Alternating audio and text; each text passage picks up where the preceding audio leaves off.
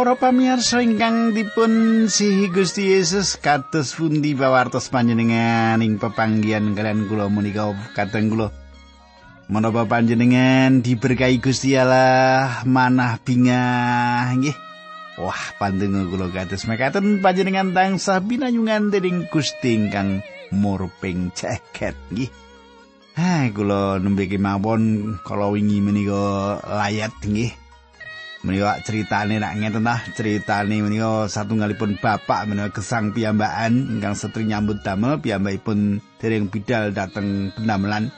Nonton TV sik lah kok ora iso tangi nonton TV tengok-tengok menika lho nggih ora iso ngadeg ngantos dumugi sedanipun. Wah nggih mesake konangane ya rada awan punan nggih. Nah kateng kula ingkang kula tresani gesang kita menika kados makaten menika kita ora ngerti kita saiki sehat-sehat sesuk mati ora ngerti nggih. Awit saking menika perlu gesang menika duwe sangu kanggo sowaning ngarsane pangeran. Nah, kadang kula salah setunggalipun adicara menika nduduhaken panjenengan nedahaken panjenengan margi ning karahayon lan kasuwargan menika nggih. Nah, kadang kula Kulo pendeta pujian to badhe sesarengan kelan panjenengan ing sawetawis wekdal menika wonten ing salebetipun adicara margi utami. Sugeng midhangetaken adicara menika.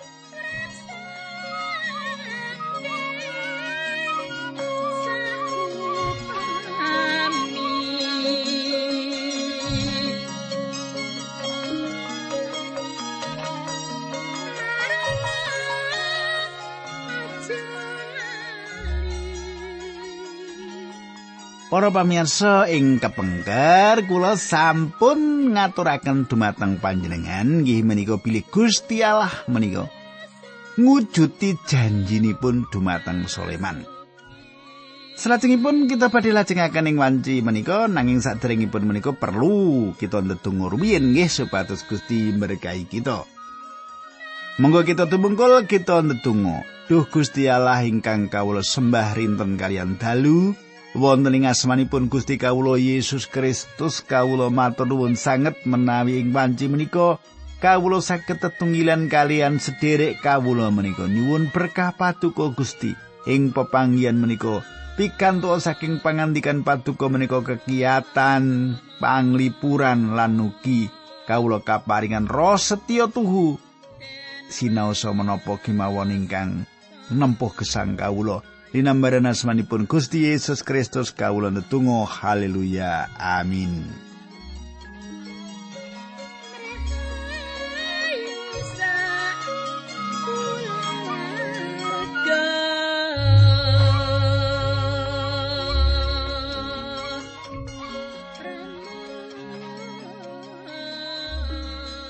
Para pamirsa ingkang kula tresnani, samenika kita sampun lumebet ing kitab kalih babat bab sedoso. Nggih kula wiwiti ayat siji lan loro. Mangke maju maju maju. Mangkaten nggih.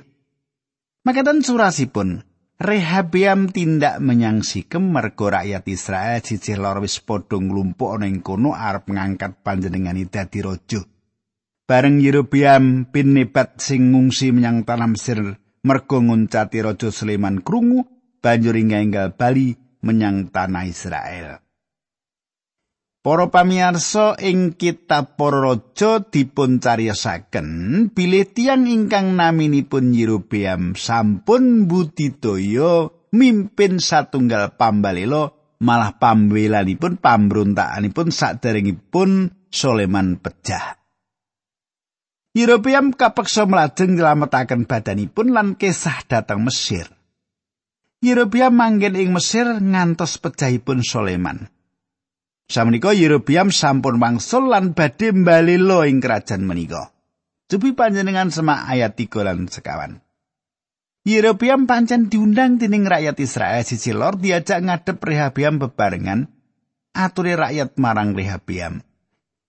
Sesanggenanipun Kang Rama Soleman kangge kula awrat sanget menawi panjenengan kersa paring kaentingan kula sami badhe sumiyup dhateng panjenengan para pamirsa. Saged ugi ingkang andhadhasaken wontenipun pambarela lan tiang gadah kekajengan ngewahi pemerintahan utawi revolusi inggih menika momotan pajek menika. Pajek dados jalaran amrukipun kathah bangsa. Pajek sampun dados jalaran kekaisaran Rom ringkih lan tarikan pajek ingkang kelangkung-langkung dados jalaran pecahipun revolusi Prancis lan keluarga kerajaan kedah tanggal jawab. Pajek ingkang inggil badhe dados jalaran pecahing bangsa pundi kemawon. Pajek dados masalah ing salebeting jaman pemerintahan Rehabiam. Soleman sampun nindakaken satunggalipun proyek pembangunan ingkang ageng. Satunggalipun program pembangunan ingkang ageng kados mekaten betahaken biaya kathah lan akibatipun wonten tarikan pajek ingkang ageng-agengan. Patrap ingkang leres inggih menika ngirangi momotan pajek menika. Nggih. Kula lajengaken ayat 6 pitu lan 8 nggih. Rehabiam banjur njaluk rembuk karo wong tuwa-tuwa sing biyen dadi penasihati Raja Sulaiman ramane Rehabiam tembungi. Aku kudu muni apa karo wong-wong kuwi rembukmu kepiye? Wangsulane wong tuwa-tuwa mau menawi panjenengan nindakaken kesainan dhateng tiang-tiang menika lan nglegani manahipun srana paring wangsulan ingkang sae tiang-tiang menika tentu badhe setya dhateng panjenengan ing selami-laminipun. Nanging Rehabiam ora manut rembuki wong tuwa-tuwa mau, malah nekani wong nom-noman pantarani sing didadekke penasihati. Para pamirsa cumbi panjenengan katosaken. Rehabiam cetha gadah pikiran ingkang cetek. Pikirane cetek banget. Ketahipun Rehabiam manut menapa ingkang dados tuturipun para pinisepuh jaman Sulaiman, pinisepuh menika mangertos kahananipun emanipun Rehabiam langkung nganut tiang-tiang nem. Niki dadi wucalan kula lan panjenengan nggih. Nek njaruk pitutur mestine aja ninggalake wong tuwa, nggih. Wong tuwa iki pengalamane wis akeh, nggih. Ampun ngantos kandhani bapak mbok alah Pak jenengan iku kuno nggih Wah, iku wis orang genah bocah niku nek wis ngono ki arep mulang sarak wi. gitu. Kandhani wong tuwa digugungi kandhani wong tuwa niku digugu. Oh, cah nom-nom niku senenge apa? Ora kok pikirane cah nom elek gitu. Kala-kala tanpa petungan tanpa alasan pengalaman nggih. Tundhonipun kesurang-surang. Nah kula lajengaken ayat 10 lan 11 wangsulane wong nom-noman mau prayogi panjenengan ngendika makaten. Sak ringki-ringkihku aku isih luwih rasa ketimbang karo bapakku Bapakku paring sesanggan sing abot marang kowe nanging aku bakal aweh sesanggan sing luwih abot meneh. Yen bapakku ngebuki kowe nganggo penjalin, aku bakal mecuti kowe nganggo cemerti kawat sing ana rini. Para pamirsa, patra pingkang dipun tindakaken rehabia menika satunggalipun patra pingkang bodoh. Pinituwa nyukani pamrayogi supados ngendhekaken program pembangunan lan ngandhapaken momotan pajak. Ning ora digugu. Kita lajengaken ayat 13 14. Lep telung dina Yerobiam lan wong kabeh padha ngadep marang Raja Rehabiam meneh kaya sing wis dikadhawaki. Koso baline saka rembugi para wong tuwa Raja Rehabiam ngendika marang rakyat kanthi sengak kaya rembugi wong-wong nom-noman.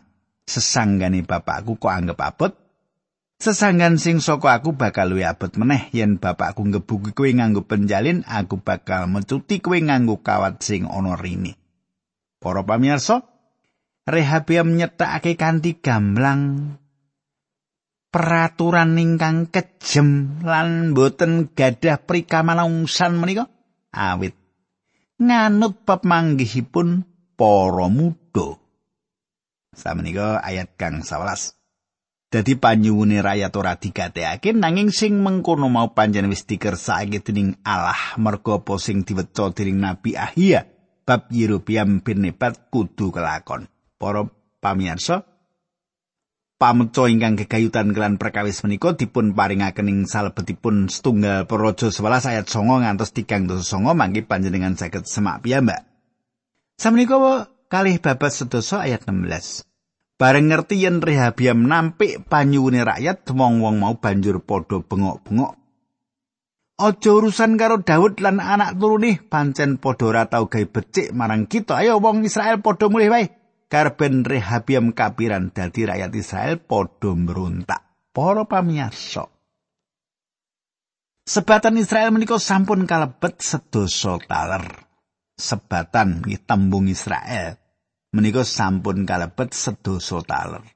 Menawi Yehuda menika ing salebetipun nggih menika taler Yehuda lan Benyamin, nanging tembung Israel menika ugi saged ingkang dipun kajengaken kerajaan sisih kidul.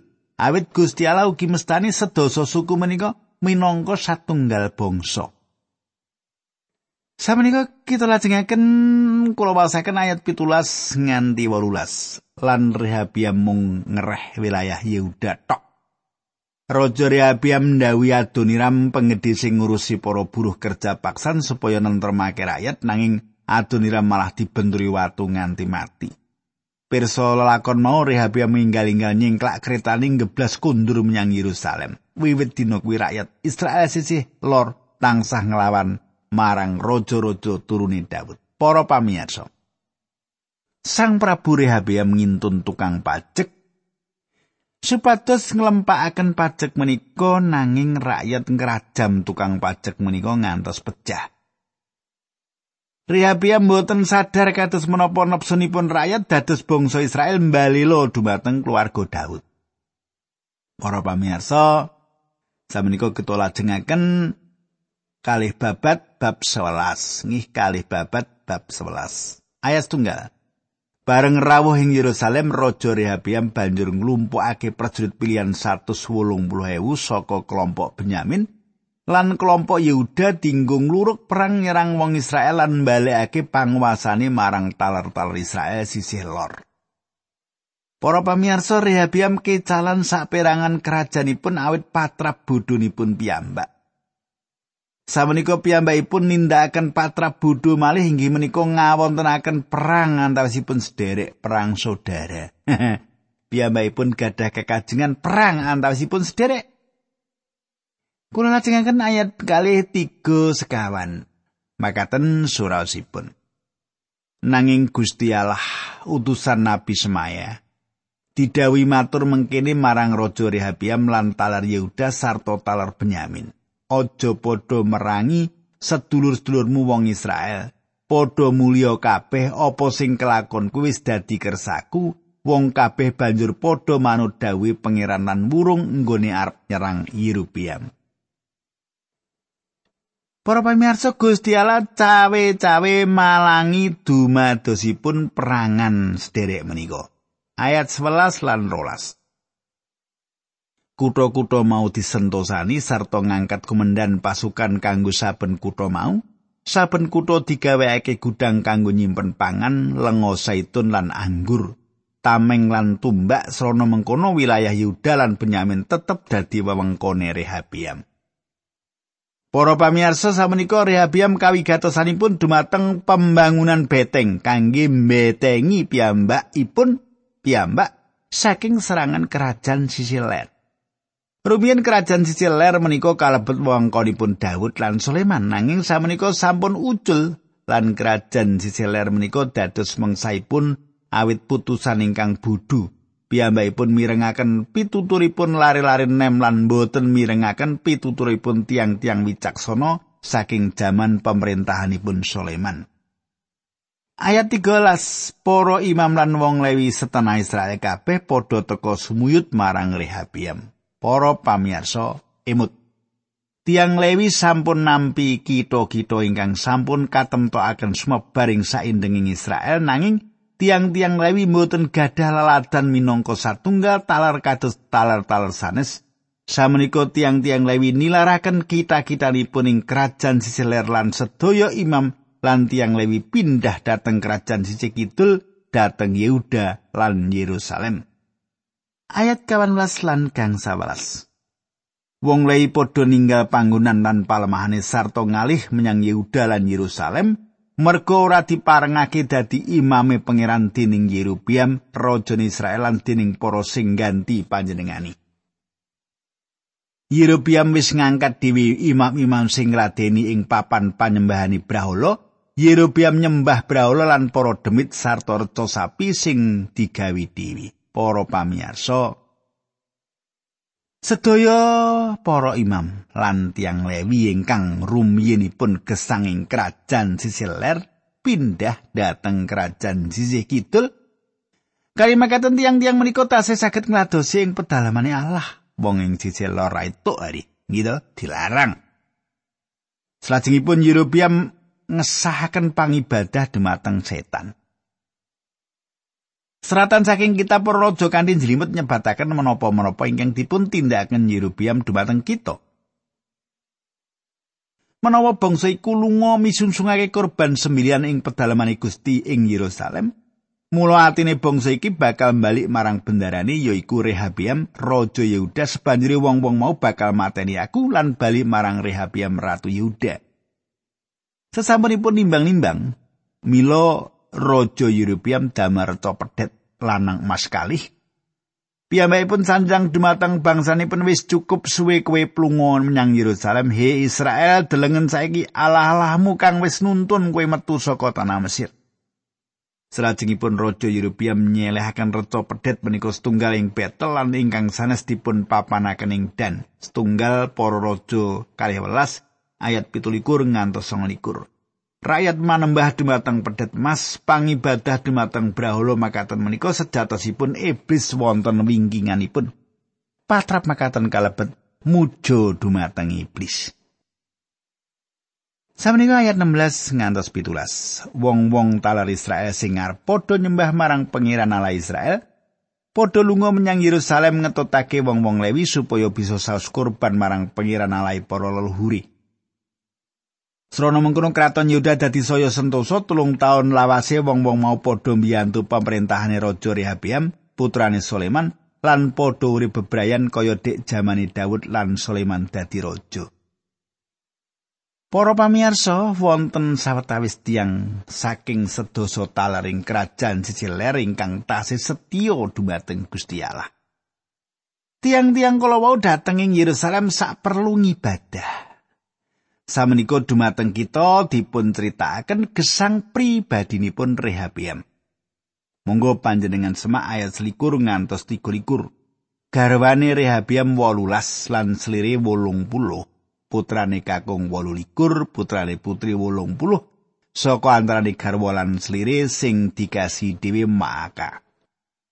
Mulane Abia anake Maka dikasihi dhewe ing antarané para putrane kabeh lan kuwi sing dipilih ngenteni dadi raja. Rehabia menggone ngedum tugas marang putra-putrane kelawan wicaksana lan padha disebar manggon ing kutha-kutha sing ana betenge ing wilayah Yehuda lan Benyamin, padha dicawisi pangan turah-turah mengkono selir pirang-pirang. Para pamirsa,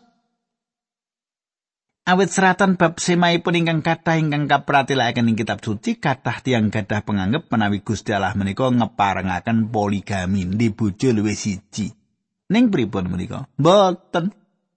Gusti Allah tetep boten marengaken. Gusti Allah nyerat perkawis menika supados kita mangertos bilih panjenenganipun boten ngeparengaken.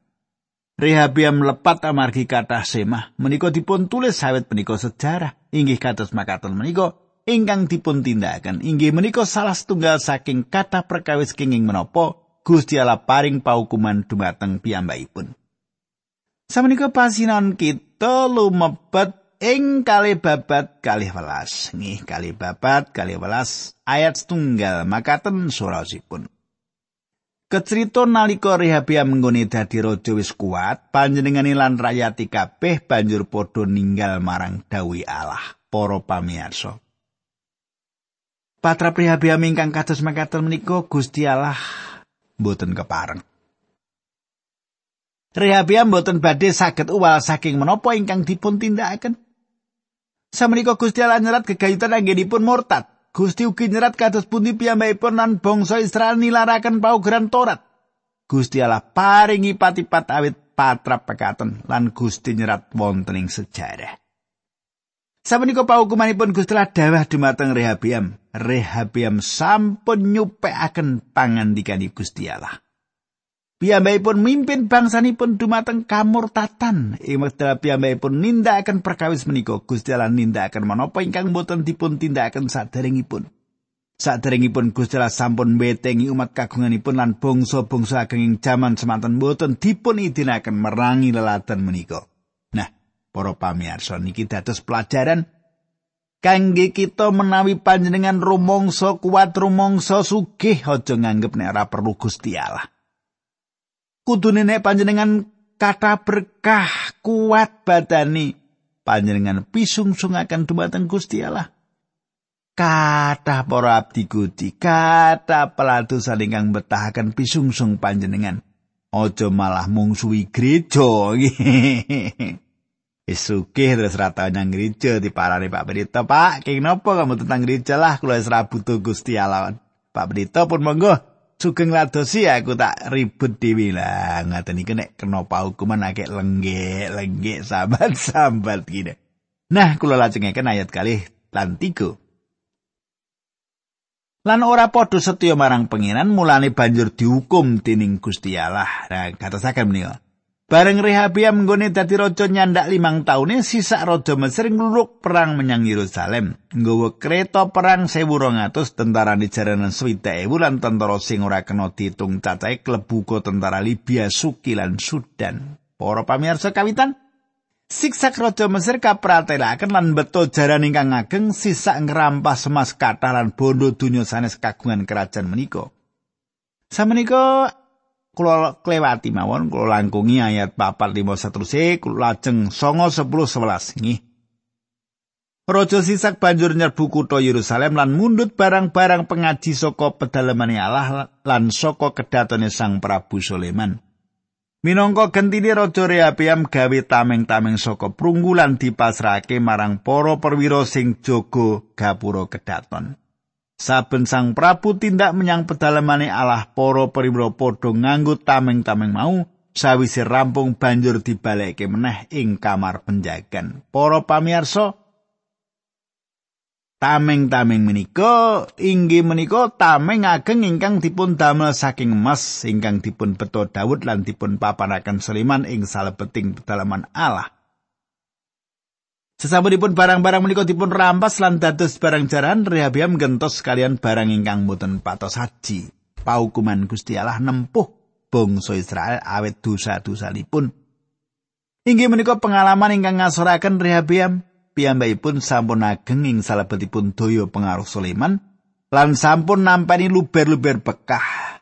Rehabiam ing gesangipun wonten ing salebeting kaluberan lan sugih raja Brana lan gadah pengajeng-ajeng kahanan ingkang kados makaten menika badhe dipun raosaken selami-laminipun. Rehabiam wiwit sadar pilih saged kaluhuran kerajaan Sulaiman wiwit badhe kapungkasi. Para pamirsa panjenengan sepindah malih kula imutaken menawi panjenengan samenika dipun berkahi Gusti Allah. Menawi panjenengan samenika giat badan panjenengan, aja lali karo Gusti Allah.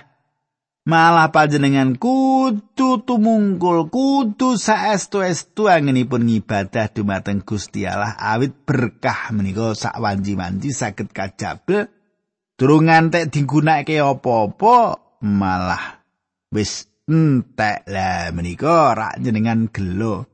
Andi nek sugih kaya aku kaya medhit temen karo Gusti Allah to ya ya nggih nyenengan wis ora iso apa-apa dhuwit ra duwe omah entek Pramila saking menika ginakaken wawengan menawi panjenengan saged tumindak becik samenika tumindak kemawon gitu samenika aja diulur-ulur sesuk wae sesuk wae engko nek berkah dijabel karo Gusti Allah akeh mengkus mengkus ngaten nggih Nah, para pamirsa, monggo kita tumungkul, kita ndedonga sesarengan. Kanjeng Rama Swarga kawula matur nuwun sanget dene wedal menika kawula saged paripurna angin kawula sinau kayektosan pangandikan paduka.